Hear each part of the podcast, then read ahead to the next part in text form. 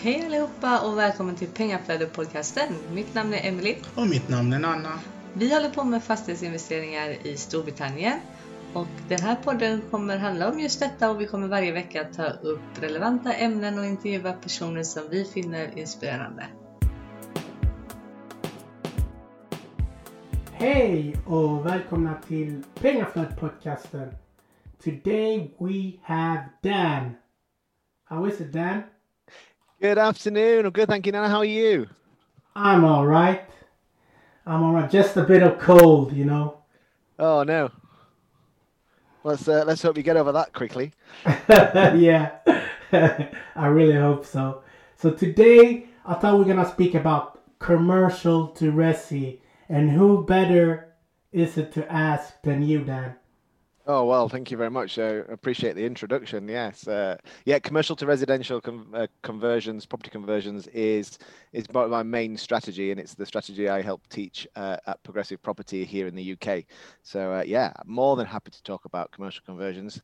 Absolutely. Yes. So could you do like a background check or background about you? Who are Dan? Who is Dan? Oh, so who's who is Dan Eaton? Okay, yeah, good question. so uh, I suppose if I went back, probably let's say let's say ten years. Let's go back sort of ten years, a good good sort of time frame. And ten years ago, I was in the corporate world. Um, in fact, if we go back a little bit further, I was in the Royal Navy for for ten years, and then I left the Royal Navy and joined the corporate sector. So I became a project manager in a, a big sort of co- corporate environment. Uh, multiple different companies I was working for, so got some really good experience of working in the corporate sector. And it was about three years ago that a friend of mine invited me along to a property event. And the property event they invited me across to was a progressive property uh, three day event called Multiple Streams of Property Income. And the idea behind the event is to just talk about all the different property strategies that there are available and the different types of strategies and how to invest in property. Now, it's something I'd always been interested to. My, my friend Craig Phillips was the, the gentleman who introduced me, and he, you know, he said you'd always wanted to get into property, and and I had, uh, you know, I'd watched the the TV program. We have a TV program here in the UK called Homes Under the Hammer. Uh, I'm not sure if anyone's seen that one, but yeah, we, we have it here as well. you've got that as well, yeah. So I'd, I'd seen Homes Under the Hammer, right? So I, I was I was quite interested in getting into property, but I never had any any money or any deposit saved to do it. I always found something else to spend the the money on. So when I went along to this event and learned about all these different strategies and different ways of doing property, um, a couple of things really hit me. The first one was that there was no real secret to property investing. Okay, there was no real secret other than knowledge and action. So these people that I was listening to, they had the knowledge because they'd either, you know, they'd learned it or someone had taught them, whatever that was, and they had uh, the drive and they took the action. So they learned something and then they went and implemented it. So that was the first big sort of realization for me. The second realization, and probably one of the more important ones when you couple it with that first realization, is that although you may need money to invest in property, it doesn't have to be your money. It could be someone else's money. And obviously, we're seeing at the moment with what's going on with the pandemic and uh, interest rates, you know, there's massive talk, particularly here in the UK, about negative interest rates. So, uh, you know, effectively paying to have your money sat in the bank rather than the bank paying you to have your money sat in the bank. Now, for a lot of people who've got, you know, maybe 60, 70, 80, 100, maybe a million pounds, whatever it is that's, that's sat in their bank account, that means that their money is losing value probably faster than it ever has done uh, in the last sort of 10, 15, 20 years. Uh, so I realized actually for me, not having any money wasn't a barrier for me not doing property investment. Uh, it was just a, different challenge that I had to overcome. But there are, like I say, lots of people out there who have got money in their bank accounts that's just wasting away. And actually, if you couple that with someone who has uh, learned some strategies in property investment and how to invest money correctly into property, actually that's a win-win and that works. So that was like the second realization for me in uh, in that property event that you don't need your own money, you just need to have some knowledge and some drive and you know a a, a professional attitude and, and not be blasé or, or too risky with any of this sort of stuff, but work with others and actually, you know, you can achieve a lot of things. And, and you know, that's that's where I kind of started with property uh, about three or three years ago. Okay, so that leads me into the second question: Why do you think commercial to residential is a good strategy, and how do you stumble up on it? Oh, right. Yeah. Well, absolutely. So, I mean, I started my property journey doing serviced accommodation where we would take a uh, unit and then we would rent it out on either Airbnb or Booking.com. And that was a really good cash flowing strategy and, and allowed me to do a lot of things and also get into a lot more property circles and a lot more networking events and, and get myself known, etc. But the commercial stuff came on from one of my mentors. You know, I, I I'd paid to to have mentors to help me understand how to to do property investment and to keep me accountable and you know and every now and again you know kick my kick me into doing it you know keep me accountable and, and make sure I do all the actions that had been set. So uh, my mentor told me that you know okay you've got the service accommodation thing weighed off why don't you look at doing something uh, a little bit uh, bigger a little bit more uh, more advanced in some ways uh, look at doing some commercial conversions. So that's where it all started. So I then went and, and again uh, purchased some education, purchased some uh, some you know training, went to find out who the people who were doing this sort of strategy were, went and followed them, and then went on, on some of their training courses and understood how that they did commercial conversions, and then I just went moved into it. So I, I effectively did that training. I learned the system, and then I implemented the system. And you know, there's again no big secret to that. As you know, I learned the system, I implemented the system, the system works. So here I am now doing bigger and bigger commercial conversions, uh, just using the same system. That, that, that was pretty much it, really. Uh, at the moment, the market for commercial conversions is extremely hot. Uh, we know the UK here, we're an island nation We've got a housing shortage. Uh, we're probably 60% down on the houses that we needed to build this year, which was probably wow. 60% down on the houses we needed to build last year. So, you know, we've got this massive supply and demand problem. Uh, and what we do also have is all these empty commercial buildings. So we have shops that unfortunately uh, have either moved online, which is great, so they've pivoted and moved online, or yeah. unfortunately, uh, you know, as a result of everything that's going on at the moment, they have decided that they're not going to reopen their doors which means there's properties out there.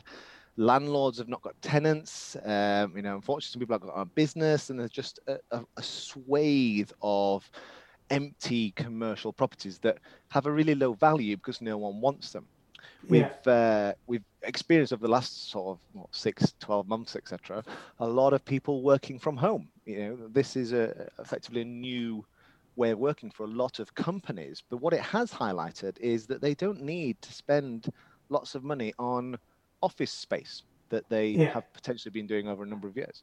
Uh, they they realize that they can still get a productive output from their workforce. In some cases, I've heard productivity has gone up while people have been working at home. Uh, you know, less chats at the coffee bar or around the water cooler. I don't know, um, but uh, I've heard that you know a lot of productivity has gone up. So they've got these office spaces that aren't being used and actually the companies are looking to to reduce costs. And one of the ways to reduce costs is to reduce the sort of leases and rents on these uh, office spaces that they no longer need.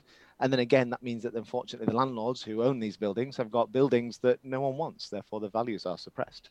So yeah. taking something like that and then converting it into something that is needed i.e houses is is just like a an ultimate sort of strategy. So you know, it's at the moment is one of the best times. Well, it's probably the best time it's ever been to do commercial to residential conversions.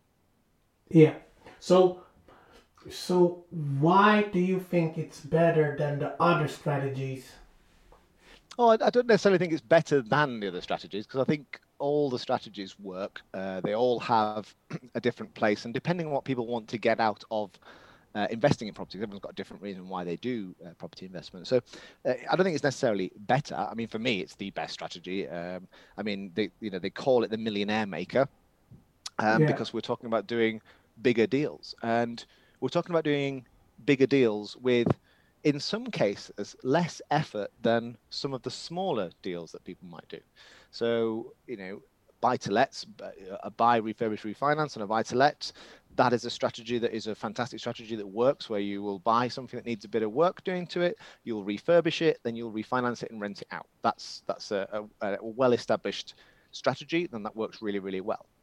What I'm talking about here is doing a buying a building, doing the refurbishment, but not doing it yourself or managing it yourself. So you're not necessarily waiting around in the morning for the plumber to turn up or the builder to turn up or you know we're not we're not we're not in that. What we're actually doing here is buying a building and then we're paying a load of professionals to make it into a residential building for us. And at the end of it we're going to sell it or we're going to refinance and hold it. So in some cases you can put a similar amount of effort into doing let's say we're doing a shop and we can convert this shop into five flats you can do a similar amount of effort of converting a shop into five flats as you can taking a two or three bedroom house and then refurbishing it into a two or three bedroom house. And obviously, at the end of that, the profits, whether that be if you're going to sell them or whether you're going to keep them and rent them, the returns are dissimilar to the uh, proportionate dissimilar to the effort. So same effort, bigger profits. That's why it's one of the best strategies, but it's not the best because it depends what you want to get out of it. But if you want to build a portfolio quickly, definitely a good commercial conversions. If you want to make six figure sums from commercial conversions, absolutely you can do that too. If you want to just get some rental income, you can do that as well. I've got a, uh, a little shop conversion at the moment, which uh, I really like because it is five flats, but the rental income from that five flats is about £2,100 a month net. So that's after all the mortgage costs, after the maintenance cost, etc. Wow. And the way I really like that is because that is a, roughly equivalent to the average salary of the UK. So the average salary in the UK, £26,000, something like that, that 2,100 is roughly equivalent to that salary. Okay, so that's yeah. take home pay. So you can see how just by doing one of those deals, you could theoretically replace the average salary of the UK. Yeah. So so what so when you do this type of deals, do you uh, get a trading company, an SPV that's trading, or do you use uh yeah? How, yeah, if you could just or do you use your con- your already uh, build company in that uh, or do you use a new one? Do you create a new one? Yeah, depending on what it is that we're doing, depends on how we would set up a company structure. So we, we do a lot of joint ventures. So we might set up different companies with different people, depending on you know what it is we're doing. Uh, in some cases, people might just work with us and provide us with uh, some funds, in which case we provide them with a, a good return. Generally, we will always set up a separate uh, SPV, as you call it, you know, special purpose vehicle, a special limited company that we set up for that project. And there's a couple of reasons why we do that. One is it keeps it clean from tax treatment point of view, so you don't have one project's tax treatment impacting another one. But the the real reason why we do all this stuff is we tend to leverage the bank lending, so we tend to leverage uh, development finance uh, from specialist lenders uh, in the UK that will help us build the whatever it is we're building uh, or converting so they would generally take what's known as a debenture on the company. So they basically take a charge over the company. It stops you, you know, using the same company and going and getting lots of different lenders or lots of different lending from uh, different places. Um, so we would generally set up one specific company for each project so that we can keep it clean for tax treatment and we can work with development lenders on that specific project. Smart, smart. So that that's that was the answer I wanted, and you gave it to to, to me and the listeners. oh, so good, which, good. so which one is the best to do, flip or hold, or do you do both? We tend to do a bit of both, and again, it just goes down to you know, if we're working with uh, investors and they're putting money in, we will tend to do something that we would sell. And we'd sell that because then we have a, a, a greater realization of the value that we've created, i.e., taking a commercial building, converting it to residential gives us that uplift in value. And the way to cash in on that value or to, to release that capital would be to sell. And that's the way to get all of that out. So we, if we're working with someone and they've put some money into one of our deals and they're getting a percentage return, we would generally sell. Uh, if we're doing something that actually we want to keep for ourselves for a rental income, um, so for instance, that, that, five flats I talked about a minute ago and the shop conversion, that is a hold strategy. So we will refinance that and then we will rent it out. So we'll get the rental income going forward. So it just depends basically on, on you know, what the project is, who we're working with and how uh, the deal needs to be structured to, to, to make it a win-win for everyone. And then whether or not we, you know, want to keep it for uh, ourselves as a, as a rental income or not. Yeah. So what's good and bad with commercial to resi? Oh, what's good and bad? Wow. the uh, well, I think ultimately the the best thing about commercial to residential conversions is the amount of value that can be created. Okay, so we're taking something with a low value or low commercial value, we're spending a relatively small amount converting it, and then it has a residential value. So for those not sure on the UK property market at the moment, commercial property is is low in value, residential property is high in value. So we're taking something with low value, spending some money to convert it, and then creating a high value residential product. So the best thing about it is that increase in value. It's the it's probably the most increase in value in any sort of strategy in any property strategy because you're taking you know something from commercial to residential you're therefore adding the maximum amount of value so i think the best thing is that value. Now, if you release it as money, you know, if you want to take your chunky capital out, then actually there are some really vast sums of money that can be made doing commercial to residential conversions. If you're keeping it as rental income, then actually you're going to keep it as a residential uh, part of a residential portfolio. It's a really good way of building a portfolio quickly, giving you much more rental income. So again, you know, you're re- realizing that value in a more monthly uh, cash flow in sense. So I think the best thing is about is that uh, you know that, that increase in value. Worst thing, well, I mean, worst I suppose is a relative term, but um, I think the the thing that probably most people will well depends who they are, I suppose, but there is a, obviously a lot of risk involved with commercial properties. So we are effectively borrowing in some cases some some significant amounts of money. And for some people that's a real worry. They they really worry about how they're going to make it work. I think some cases it's the they, you know they might not have the knowledge or they might not have the experience or they might not have the confidence even though they have the knowledge and experience to do so. So probably the worst thing is the the perceived risk with doing commercial to residential.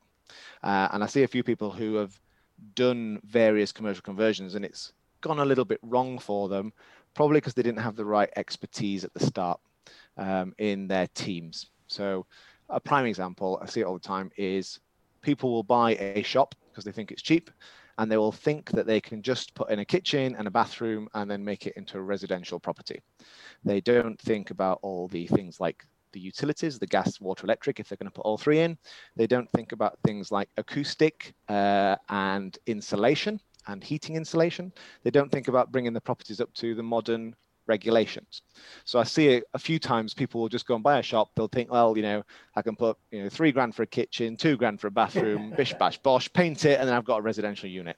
They forget that actually that residential unit probably needs about seven thousand pounds worth of acoustic insulation to meet the modern standards, you know. So yeah. that's I think where where I see people going wrong with commercial conversions, but that's probably more down to to the lack of knowledge rather than it being the strategy. I mean, let's face it, we hear people who've done um, buy to lets incorrectly just because yeah. of lack of knowledge. Yeah, that's true.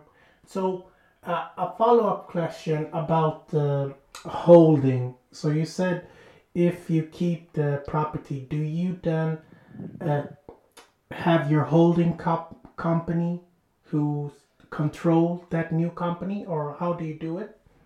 Yeah, so we've got a, we've got a couple of different company structures, uh, depending on which company we're, we're what we're doing the project. But generally, yeah, we would have a holding company or a group company, group structure, yeah. and then we would just, um, depending on what we what project we're doing, what SPVs we're setting up, depends where it sits in the group.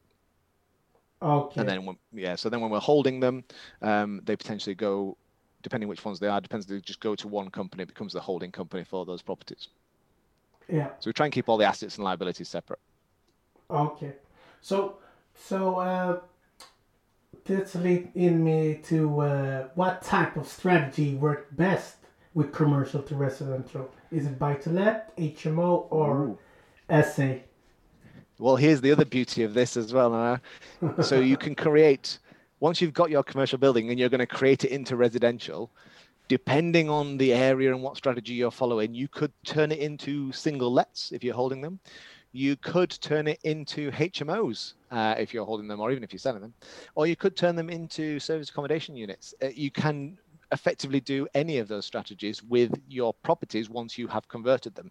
Now, depending on the what you're converting them into, sometimes if you're going to convert it into um, a HMO, you'll have to get a different planning permission or, or, what you know C4 rather than C3 in terms of the old planning system or planning class system.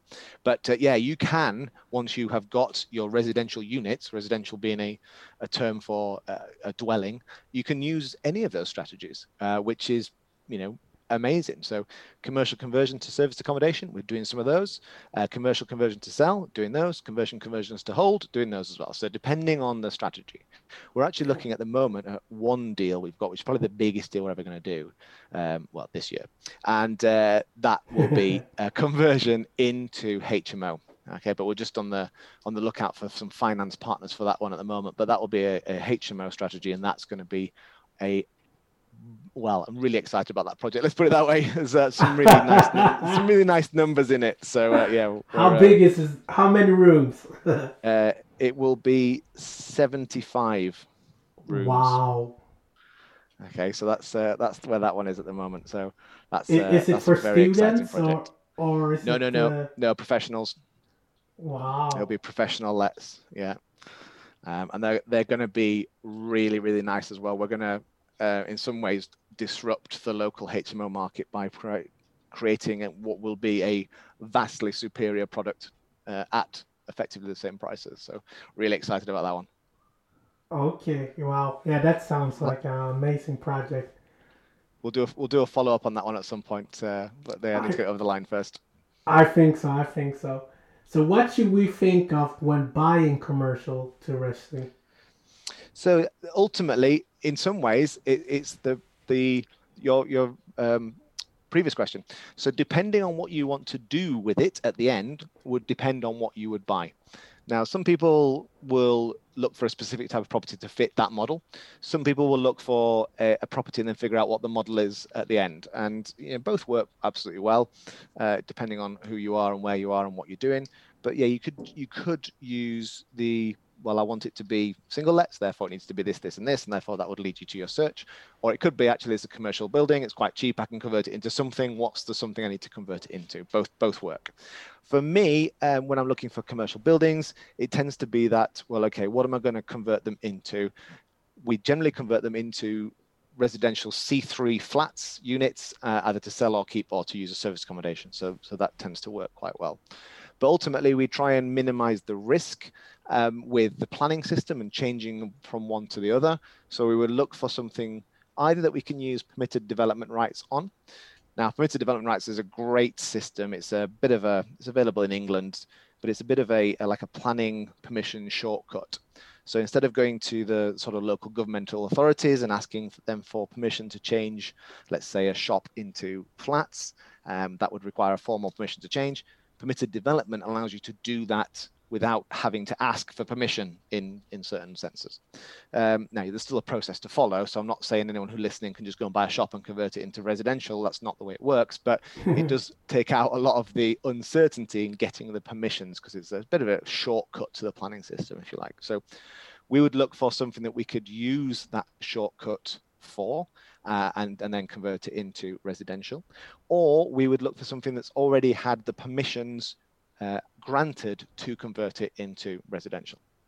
Now, and then we'll look at whether or not the permissions are what we want them to be, but we would just generally look at something that we could use permitted development rights or already has the planning to convert it into residential. And there's quite a lot of stuff out there actually that fits that, that criteria. Okay.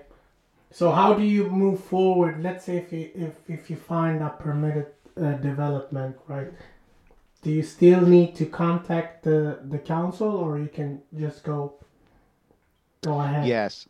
Well, if it's if it's something that fits into the category that could have permitted development, the process is effectively you, you sort of tell the council, you sort of send them a, a notice, uh, you know, prior notification, prior approval, um, and you sort of send them an application form that says, I'm going to convert this shop into flats under these new rights. Have you got a problem with that? That's kind of how it works. There's more to it than yeah. that, but it's uh, simplistic terms. And uh, the council will look at it and go, yeah, actually, that's all fine, crack on. Or they might look at it and say, yeah, that's okay. However, there is a bit of a problem with, let's say, flooding or transport uh, that you need to to have a a think about. Now that doesn't mean you can't do it. It just means literally you have to have a think about whatever that problem is. They call it a stated issue. So, as you know, one of the stated issues, one of the four stated issues, how how would you overcome that four stated one of those issues? That that's like contamination, flooding, transport, or noise. So, uh, how do you overcome some of those problems. And then if that's all good and you know your your mitigations, if you need to mitigate any problems or any of those stated issues, they'll just give you effectively the green light to crack on, you know, to go and con, con convert it. Um, it still has to be converted with building control and building regulation. So it's not it's not like the it's not the wild west that I think a lot of people think commercial conversions. And uh, apologies to anyone in the wild west um, and American listeners on the, on the wild west there, but um, you know it's not. Uh, permitted, permitted development does get a bit of a bad rep for that. In that it's almost like people make it out to be a completely unregulated industry where you can just go and buy something and convert it into some shoddy accommodation that then you're going to force someone to live into into it it's not that at all. You know, it is a, a process that, if followed correctly, allows uh, developers to create, you know, family units if that's what you're going to create, or starter homes if that's what you're going to create, or downsizer flats, or whatever it is, HMO, service accommodation, using um, some pre-agreed planning uh, laws. You know, it's, it's the law in. England anyway. So yeah, so that's that's kind of how it would do. So yeah, I'd look for something that had that, and then uh, and look to get it converted, look, buy it and convert it. Okay, good answer. So, what fees is included that it's not in a normal residential? What, so, like a com- residential, what, like a, a buy to let type uh, yeah. Exactly. Yeah, well, I mean, fees is the is a is a good term there. Uh, so we tend to find that uh, I mean, let's let's be honest. We're dealing with bigger projects and bigger numbers. The other thing we're doing here is it's not me or the developer that's doing the work. It we tend to use the power team. We tend to use all the professionals. So our planning consultants, our architects, our quantity surveyors, main contractors, structural engineers. You know, there's lots of professionals. So you will tend to find that there are lots of professional fees and in some cases, your professional fees could be 10 to 15% of your build cost. And yeah. these are all the people who do all the work for you. So although there's more fees, like I said before, we're not talking about turning up on a on a property and waiting for the builder to turn up or the plumber to turn up. We're not we're not doing that anymore. What we're doing is we're we're engaging the services of a professional contracting company to build it for us. So they wait at building site for a plumber to turn up, but it's generally their plumber, so it's it's it's them their problem to solve. Uh, and although there's lots of fees, um, it does mean that you can do more than one at once. So at the moment, currently, we've got three projects on the go under build. Now, as you wow. know, I'm talking to you now. I'm not on a building site. I'm not, you know, I've, put the, I've not put my trowel down for a half an hour to have a conversation with you. The, the the the team are doing the work, so it allows you to do lots more things with your time. Yeah. Um, but it does come at those costs. So I think if you were to look at a, a buy to let conversion or a flip or a maybe a, a BRR, sort of a buy refurbish refinance, you, you, you, in all possibility, you wouldn't have a project manager or a site agent there, you know, costing a couple of hundred pounds a day. You probably wouldn't have the fees that you'd had in terms of the architects doing the technical drawings or the structural engineer doing the structural drawings. You would have had elements of all those things, but not at this sort of scale. So you do have a lot more fees, but the projects are a lot bigger. And like I said before, we're talking about creating the most amount of value that we can. Therefore, we can afford those experts. Yeah. So that leads me into how long leases should you have on your properties or on your flats?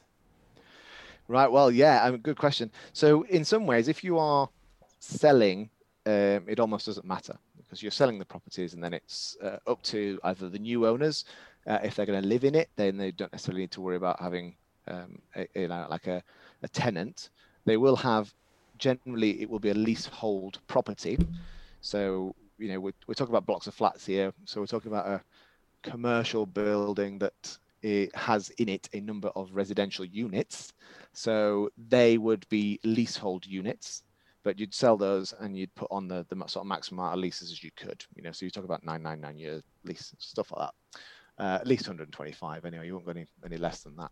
Um, whereas you know, if it's an investor that's buying them, or if you're going to keep them for rentals, you would probably put them on like a six month, um, you know, a short short hold tenancy we call it. Uh, it's basically a six month rental agreement uh, as a minimum uh, for the people who are going to live there. So if um, I mean leases is a, a sort of a wide question really, but if you're going to be keeping your properties as well, actually what's quite good is to to have a wholly owned subsidiary is the, the technical term, uh, where you would grant the ownership rights on a longer lease to a company that you owned. That way you can uh, you start making use of reclaiming the VAT or the, the, the value added tax on the conversion. Okay. So my following question is like a it's a two question in one. So Ooh, okay. before so before COVID happened, what type of demand of flats wa- was there? And then now when uh, COVID have happened, Mm. what do you see? Yeah, it's a really good question. So ultimately, we have in the UK, we have that housing shortage.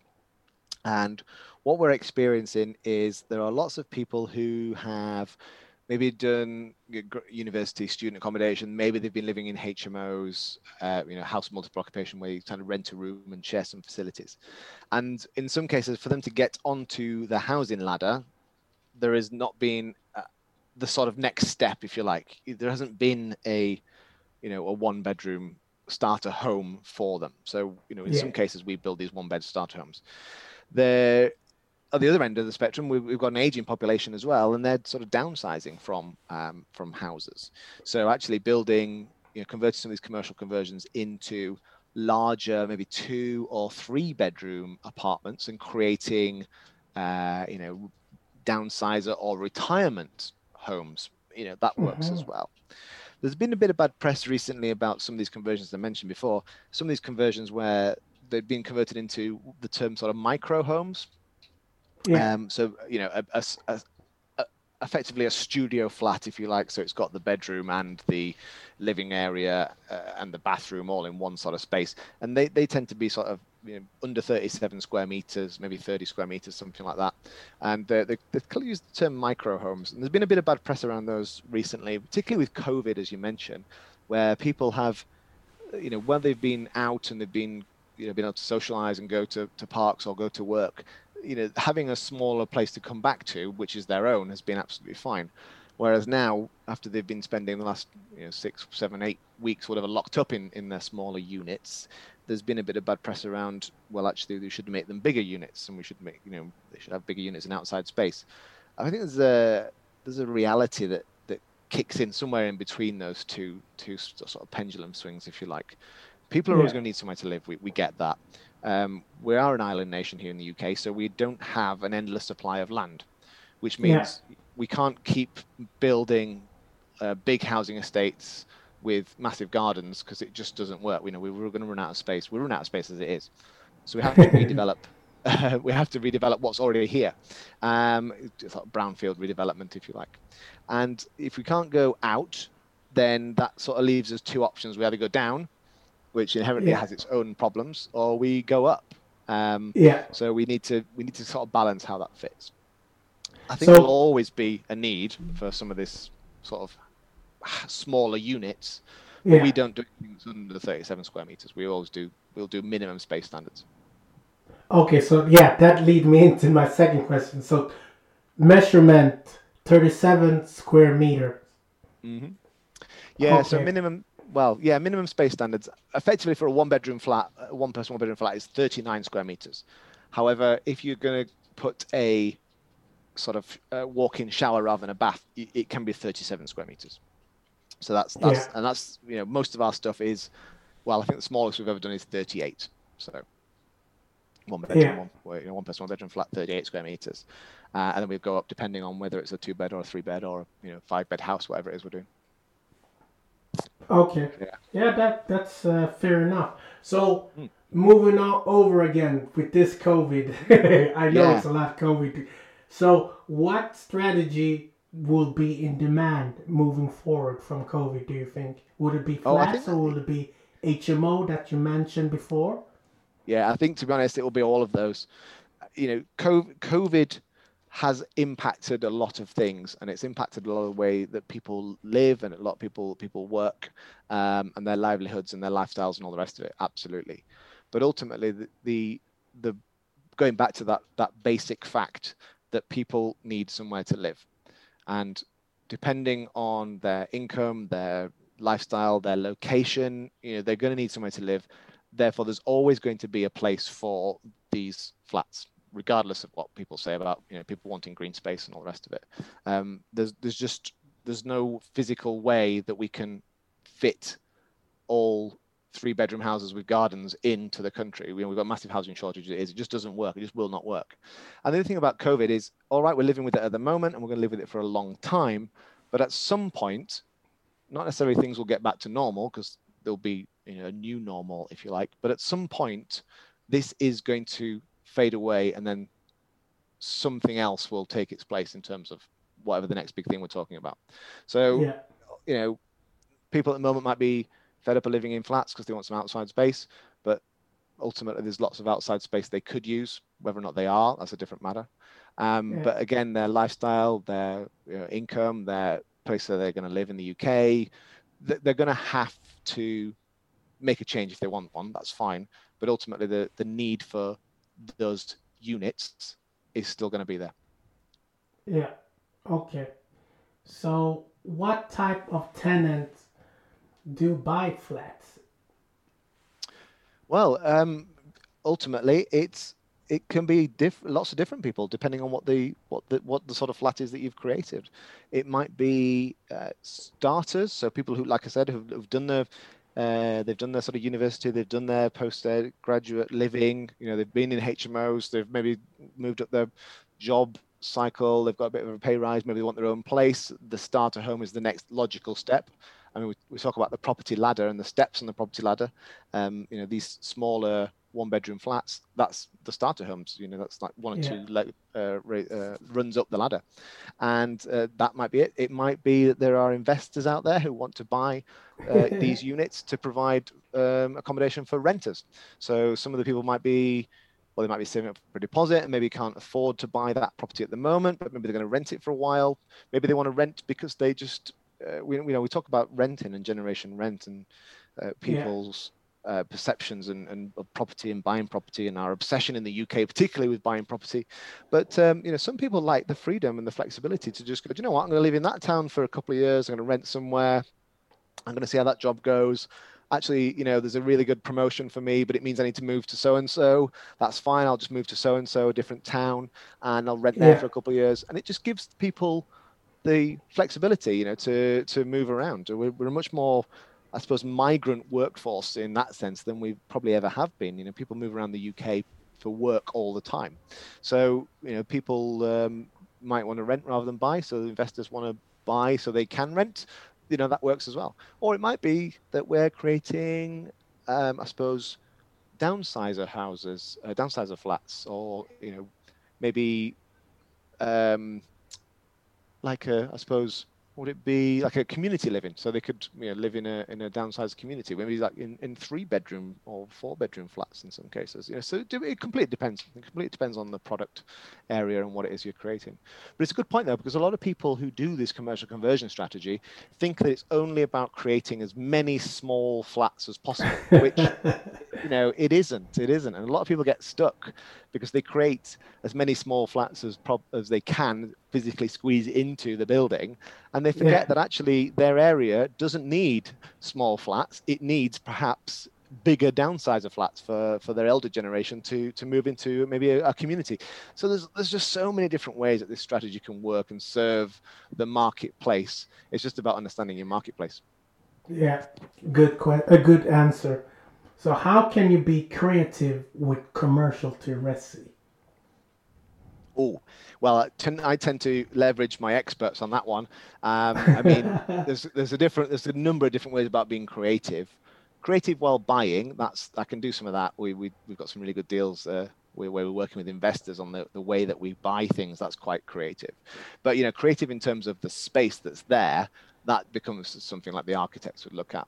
But there are other ways to be creative with a commercial conversion as well, because you can look at uh, adding value. You can look at um, whether or not you could put another layer or another floor on top of the building. You know that maybe that's something that you could do. You know, so that therefore you create more space, more residential space from us from a, an existing commercial building. So there's there's ways like that to be creative with it, and there's also creative ways in terms of design and the way that you specify the finishes for uh, your units as well. So we always tend to try and put a, a nice uh, finish in our units, which doesn't actually cost that much.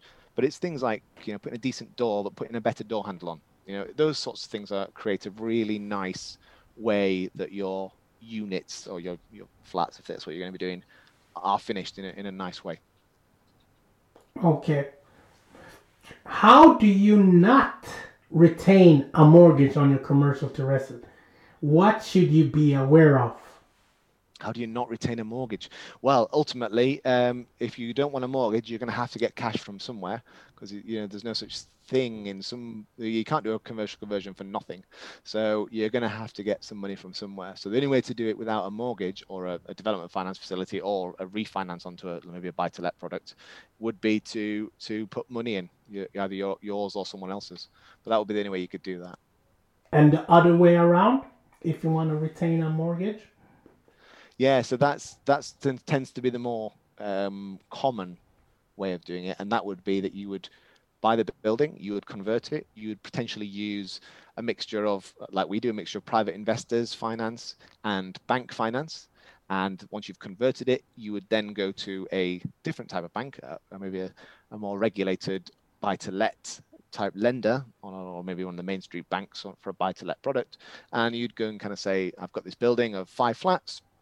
I want to refinance it and I'll take 75% of its market value. And then you'd use that money to pay off all the other lending.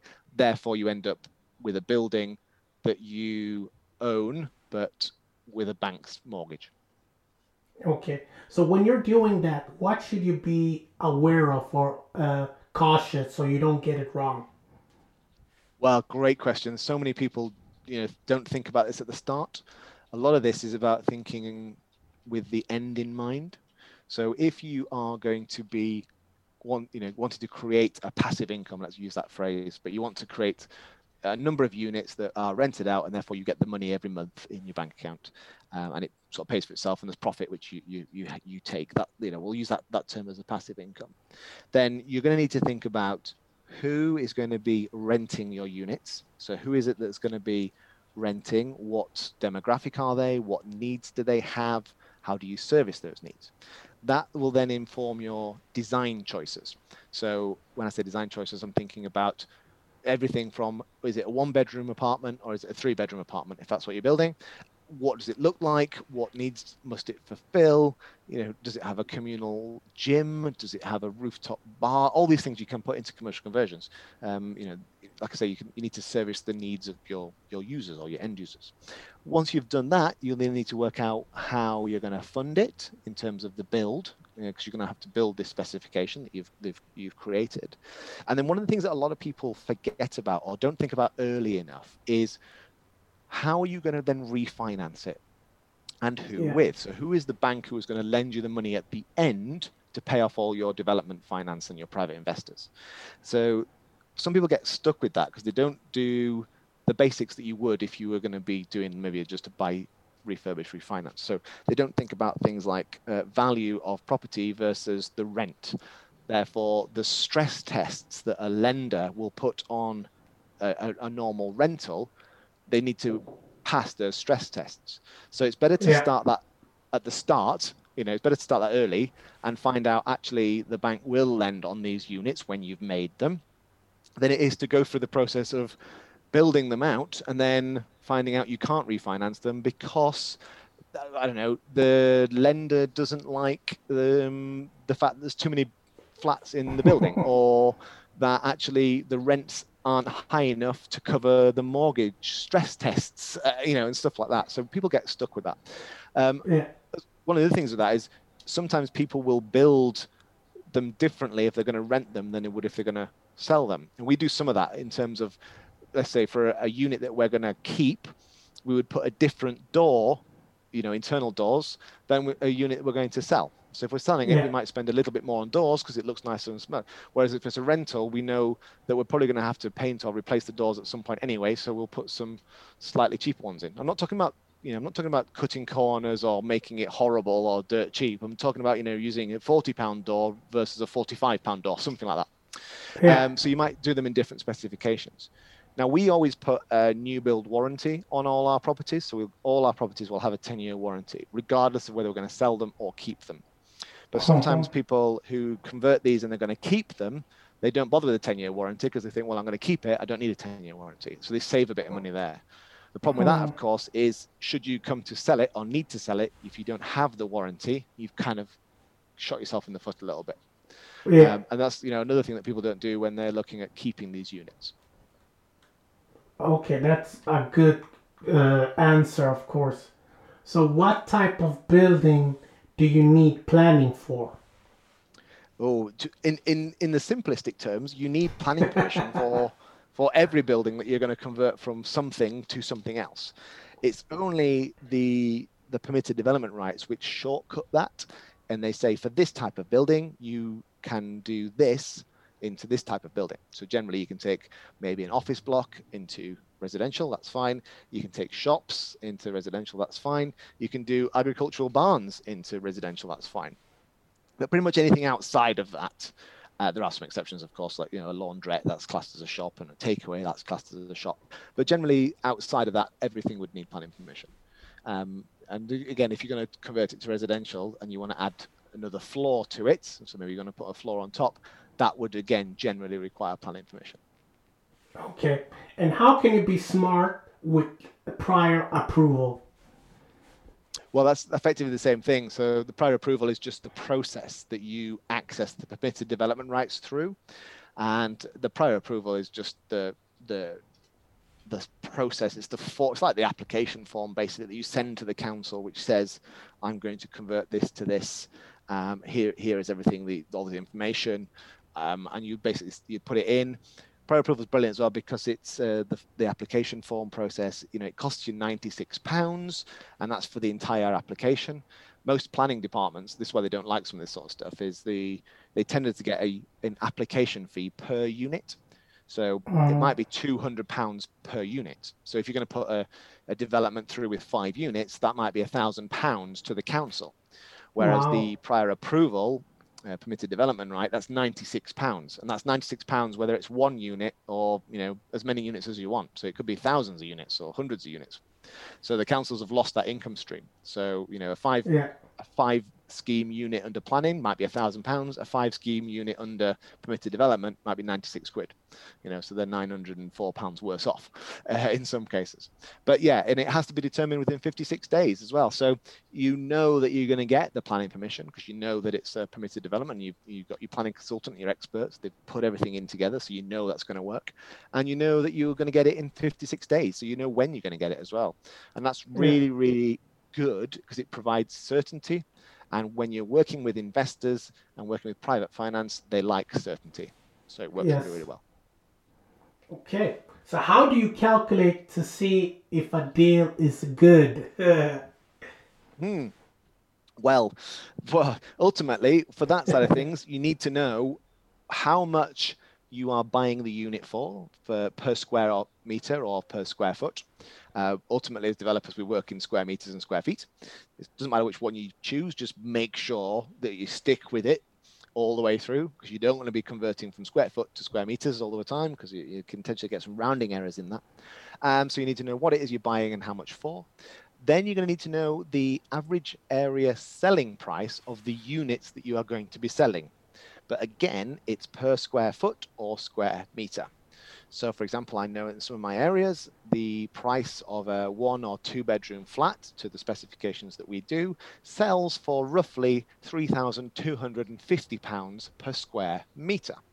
So I know that that's what I'm going to sell it for. So if I then know what I'm going to sell it for, and I know what I'm going to buy it for, that leaves a bit in the middle. And the bit in the middle is how much is my profit and how much does it cost me to convert it? Again, per Mhm. square meter or square foot, whichever one you're using. So we'd be looking at, let's say, 3,250 to sell it. We'd be looking at 900 to convert it. We'd have a bit of profit in there, and then what was left, that's that would be the pot to buy the building. So provided it fits within that pot, then we would look at look at buying it. Okay. It takes a bit of time to get to that um, to get to those numbers because you need to know that area. And what I'd say Yeah. is people starting out, if you want to start understanding what those numbers are, the best way to find that is to start networking. So networking with developers, networking with commercial agents, networking with main contractors, but also networking with residential estate agents who sell these new build properties because they'll have an idea of what that, that area selling price is. Okay. Yeah, and that leads me into my following question. What tips can you give us as international investors that want to do commercial to resi?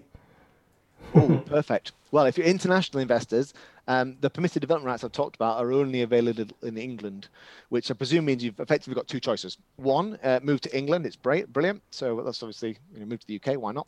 Um, but probably more likely is to partner with people in the UK who are doing permitted development or doing commercial conversions, uh, either joint venturing or maybe just if it's just a return on their money they want, then maybe it's just lending money in, in terms of a private investment. But that I think will be the best way that if it's international, that's probably the best way of making use of the the planning shortcuts uh, and the the situation that we find ourselves in in the UK, but particularly with England with the permitted development rights. Good, good answer. Good answer. So now we have come to the three personal questions. Personal questions. yeah, this is in the end. I always ask three questions. So Okay. today, of all of your deals, what deal do you regret and why? Oh, what deal do I regret and why? Um, to be honest, I don't regret anything because whatever happens, it will have been a valuable learning experience. So, provided I use that learning going forward, it's therefore not a worse deal, if you like. Um, I think there are some deals that aren't as profitable as others, and there are deals that throw up more complications than others. So, for example, the smallest deal that I've got going on at the moment is the one that's causing me probably the most headaches, just because of the various factors of where it is. It's uh, really centrally located. That in itself brings some inherent problems with neighbors, with drainage, with parking, with access, with getting supplies to site. Most of those things are actually the contractor's problem to deal with. So I don't deal with most of them.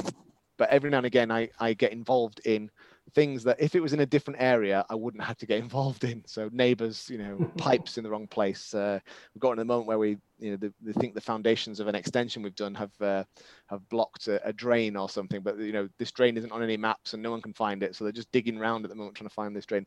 So that's probably the the the worst deal in that sense but it's still not a worst deal because at the end of it it's still going to be uh, five flats and it's still going to be that's one we're keeping. So it's still going to be five flats still going to be five flats that we're going to keep. We won't owe any money in terms of our personal cash in it but we'll have a, a, a mortgage on it and that will bring us an income. So you know in terms of worst deals i suppose in a year's time when i look back it, it will been yeah yeah how how bad really was it? Yeah that's the all well ends and all that. So yeah that's that's probably the worst one. In that it's not as good as some of the others but it's still pretty good so, what book would you recommend to your child? oh well so we we do actually. A good question. So some of the ones that um, really helped me understand a little bit more about uh, sort of money and mindsets and ways of working stuff like that there's, there's two that spring to mind. One is rich dad poor dad um, I suppose most people have probably heard of that one. That's a Robert Kiyosaki book. Uh, so I'd definitely start with that one. And there is a version for kids as well.